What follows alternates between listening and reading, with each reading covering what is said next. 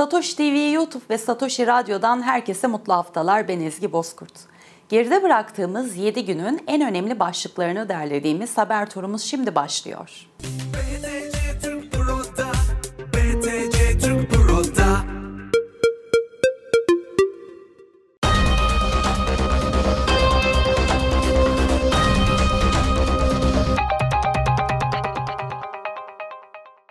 Rap sanatçısı Kanye West, Bitcoin'in kurucusu Satoshi Nakamoto'nun isminin yazılı olduğu şapka ile görüntülendi. Geçtiğimiz günlerde Amerika Birleşik Devletleri merkezli JP Morgan şirketindeki banka hesabının kapatılması ve Instagram hesabının silinmesiyle konuşulan West, son olarak Kaliforniya'da Satoshi Nakamoto şapkasıyla tekrar gündeme geldi. 2021 yılında Bitcoin'i resmi para birimi ilan eden El Salvador'un yaşanan bir yıllık süreç içerisinde Bitcoin yatırımlarından zarar ettiği açıklandı. Bitcoin fiyatında yaşanan dalgalanmalar sebebiyle eleştirilerin arttığı El Salvador'da işletmelerin %86'sının Bitcoin ile satış yapmayı benimsemediği belirtildi. Amerika Birleşik Devletleri merkezli finans kuruluşu JP Morgan'ın Bitcoin karşıtlığıyla bilinen CEO'su Jamie Dimon, Bitcoin hakkındaki sert eleştirilerine devam ediyor. Daha önce yaptığı açıklamalarda kripto para yatırımı yapmayacağını ve Bitcoin'in değersiz olduğunu belirten Dimon, katıldığı son konferansta Bitcoin için kirli ve pahalı kelimelerini kullandı. Kanadalı yatırımcı ve finans danışmanı Kevin O'Leary yaptığı açıklamada gerçekleşecek olası regülasyonlar sonrasında ulusal varlık fonlarının bir kısmının Bitcoin'e yatırım olarak aktarılacağını belirtti. Bitcoin ve kripto paralar hakkında regülasyonların netleşmesinin ardından devlet fonlarının bir miktarının Bitcoin'e aktarılacağını ve bunun da yaklaşık 1 trilyon dolarlık Bitcoin alımına denk geleceğini açıkladı. Dünyanın en çok okunan finans kitaplarından Zengin Baba Yoksul Baba'nın yazarı olan yatırımcı Robert Kiyosaki, Bitcoin hakkında olumlu açıklamalarda bulundu. Bitcoin hakkında daha önce de olumlu konuşan Kiyosaki, altın ve gümüşün yanı sıra Bitcoin'in gelecekte önemli bir noktada olacağını belirtti. Bitcoin gündemine dair haber turumuzun ardından şimdi de Satoshi Radyo'daki HODL günlükleri podcast ile tanıdığımız İlker Başaran'a bağlanıp haberlerimize dair değerlendirmelerini alacağız. İlker merhabalar, hoş geldin. Merhaba, hoş buldum. Nasılsın Ezgi? Teşekkür ederim, sen nasılsın? Teşekkürler, ben de çok iyiyim. Bence haberlerin içinde en önemli e, gündem bence Kanye West'in şu anki yaşadığı durum. Ee, yani bu konuyu hem ifade özgürlüğü açısından değerlendirebiliriz. Tabii bir tarafta da nefret söylemi var. Ee, ikisi arasında bir yerde gidiyor. Tam olarak sınırlar burada zaten gri bir alan burası. O tarafa mı kaydı yoksa gerçekten bir ifade özgürlüğünü mü kullandı? Ee, bunu karar vermek çok güç açıkçası. Yalnız tabii e, hem Instagram'dan hem Twitter'dan her yerden şu anda cancel kültürü dediğimiz bir kültür tarafından iptal edildi. Hesapları donduruldu iptal kültürü olarak e, değerlendirebiliriz. Fakat daha merkezi yapılar tarafından yapılan bir iptal kültürü. E, Kanye West daha önce zaten 2020 yılın civarında Bitcoin ile ilgilendiğini açıklamıştı. Daha önce bir Joe Rogan podcastine katılmıştı. Orada çok dikkat çekmişti Bitcoin ile ilgili söyledikleri. E, şu anda bence bir güvenli liman olarak görüyor Bitcoin'i. E, bu şekilde bir cancel kültürüne maruz kaldıktan sonra bir güvenli liman olarak görüyor. E, bence zaten Bitcoin'in en önemli özelliklerinden biri de bu. E, kendi destekçileri zaten özgürlükçü bir düşünce yapısına sahip Bitcoin'in. Kanye West de bu topluluğa birazcık bence sarılmak istedi. O yüzden daha da fazla bence ondan Bitcoin ile ilgili açıklamalar göreceğiz. Yani bu e, iptal kültürü dışında aynı zamanda e, bir sınırlayıcı bir yapımız da var. E, hükümetler tarafında var. Onun haricinde kişisel olarak biz de bunu çok uyguluyoruz. Ee, en son e, Kanada'da mesela benzer bir örnek gördük. Kanada'daki hükümetin protestoculara Covid için çok sınırlayıcı davranan hükümete karşı bir protestosunda e, bağışları Bitcoin üzerinden yapan kişileri tespit edip bu kişilerin banka hesaplarına e, sınırlamalar getirdiler. Transferlerini engellediler. Bu şekilde bir sınırlama söz konusu. Ee, bunun hakkında El Salvador Başkanı Nayib Buchanan'ın da bir açıklaması vardı. Demokrasi ve özgürlükler endeksinde çok yukarıda olan Kanada gibi bir ülke bunu yapıyorsa e, ne düşünmeliyiz gibi bir tweet atmıştı hatta Nayib Bukele o zamanlar. E, şimdi Nayib Bukele ile de biraz ve El Salvador'la da biraz uğraşılıyor açıkçası bence. E, daha çok e, onlar hakkında kötü haberler çıkartılarak aynı bugünkü gündemdeki gibi e, haberler çıkartılıyor El Salvador hakkında. Tabii ki büyük bir zarardalar şu anda. Birçok e, son bir yılda giren Bitcoin yatırımcısı gibi onlar da bir zarardalar. Yalnız bunu kısa vadeli bu zararları bence çok uzun vadede çok daha hızlı bir şekilde geri dönüşünü daha iyi alacaklarını düşünüyorum. Ki kendileri de böyle düşünüyor zaten. E, El Salvador'da şu anda Bitcoin kullanımının çok yaygın bir şekilde e, devam etmediği haberlerini görebiliyoruz medyada. E, bu haberler tabii ki önemli haberler. Yalnız bu adaptasyonun da çok hızlı bir şekilde olacağını beklemek de bence çok yanlış. Ve bu adaptasyonun olmamasını Bitcoin'in başarısızlığına bağlamak da yine yanlış bir sonuç çıkarımı olur burada bana göre.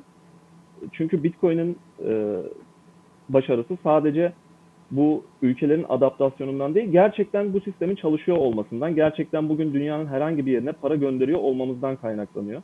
Ki zaten El Salvador'da bu amaçla Bitcoin'i yasal para birimi olarak kabul etmişti. Amerika'daki vatandaşlarının, Amerika'daki kendi ülkesinin vatandaşlarının ülkelerine para gönderirken çok ciddi bir şekilde komisyon ödememeleri için e, böyle bir yola girmişlerdi. Kaldı ki kendilerinin zaten gerçekten bir kendilerine ait para birimleri yok. Doları kullanıyorlar ve Bitcoin belki de ondan daha değerli onların gözünde. Bu şekilde değerlendirmek lazım. E, şu anda bence tam olarak El Salvador için bir dünya arenasında bir sahnede bir yer alma fırsatları elde ettiler. Ve bu fırsatı değerlendirmeye çalışıyorlar. Ülkedeki turizm çok ciddi oranda arttı. Yeni bir şehir kurmayı düşünüyorlar. Bitcoin şehrini kurmayı düşünüyorlar. Ee, ve bu çok dikkat çekiyor şu an tüm dünya üzerinde. Diğer haberlerden biri de e, yine Jamie Dimon her zamanki gibi e, ilk fırsatta yap gene tekrar bir kötü açıklamalarda bulunuyor. Her fırsatı değerlendiriyor bence. E, fakat bu haberlerin artık Çin'deki madencilik kriziyle çok bence yakın bir yola girdiğini düşünüyorum Jamie Dimon'un bu haberlerinin. O zaman da yani yaklaşık bundan 4-5 yıl önce hatta daha fazla geçmişe gidersek Çin'de madencilik yasaklanacak, Çin'deki bütün e, madenciler çıkartılacak şeklinde sürekli ısıtılıp ısıtılıp önümüze gelen haber haberleri gördük dönem dönem. Ve bu haber gerçekleştiğinde artık gerçeğe dönüştüğünde herhangi bir haber değeri kalmamıştı bana göre. Jamie Dimon'u da ben birazcık bu şekilde görüyorum. Çünkü her birkaç ayda bir çıkıyor ve e, Ponzi şeması veya benzer şeyler söyleyebiliyor Bitcoin ile ilgili. Fakat aynı zamanda JP Morgan e, şu an başkan olduğu şirket raporlarında Bitcoin'i öven açıklamalar yapabiliyor veya Bitcoin alımını tavsiye edebiliyor. Aynı zamanda Jamie Dimon'un da benzer bir açıklamaları vardı daha önce. Ben ne kadar kabul etmesem de yatırımcılarımız Bitcoin'i tercih ederse e, buna engel olamam şeklinde açıklamalarda bulunmuştu daha önce. Bu tarz kötü haberlerin haber değerinin giderek daha da azalacağını düşünüyorum ben. O yüzden e, çok fazla Jamie Dimon'un söylediklerini, Bitcoin ile ilgili fikirlerini e, dikkate almıyorum diyelim. Bahsettiği bir nokta var Kevin O'Leary'nin. O da çok ciddi bir Bitcoin yatırımcısı. Aynı zamanda e, çok çeşitli yerlerde de gördük Bitcoin ile ilgili önemli açıklamalarını, söylemlerini. E, regülasyonlarla ilgili e, bir adım bekliyor o da artık. Bunu herkes bekliyor aynı zamanda. Tüm dünya olarak bekliyoruz. E, SEC Başkanı Gary Gensler bu konuda zaten Bitcoin açısından çok pozitif düşünen birisi.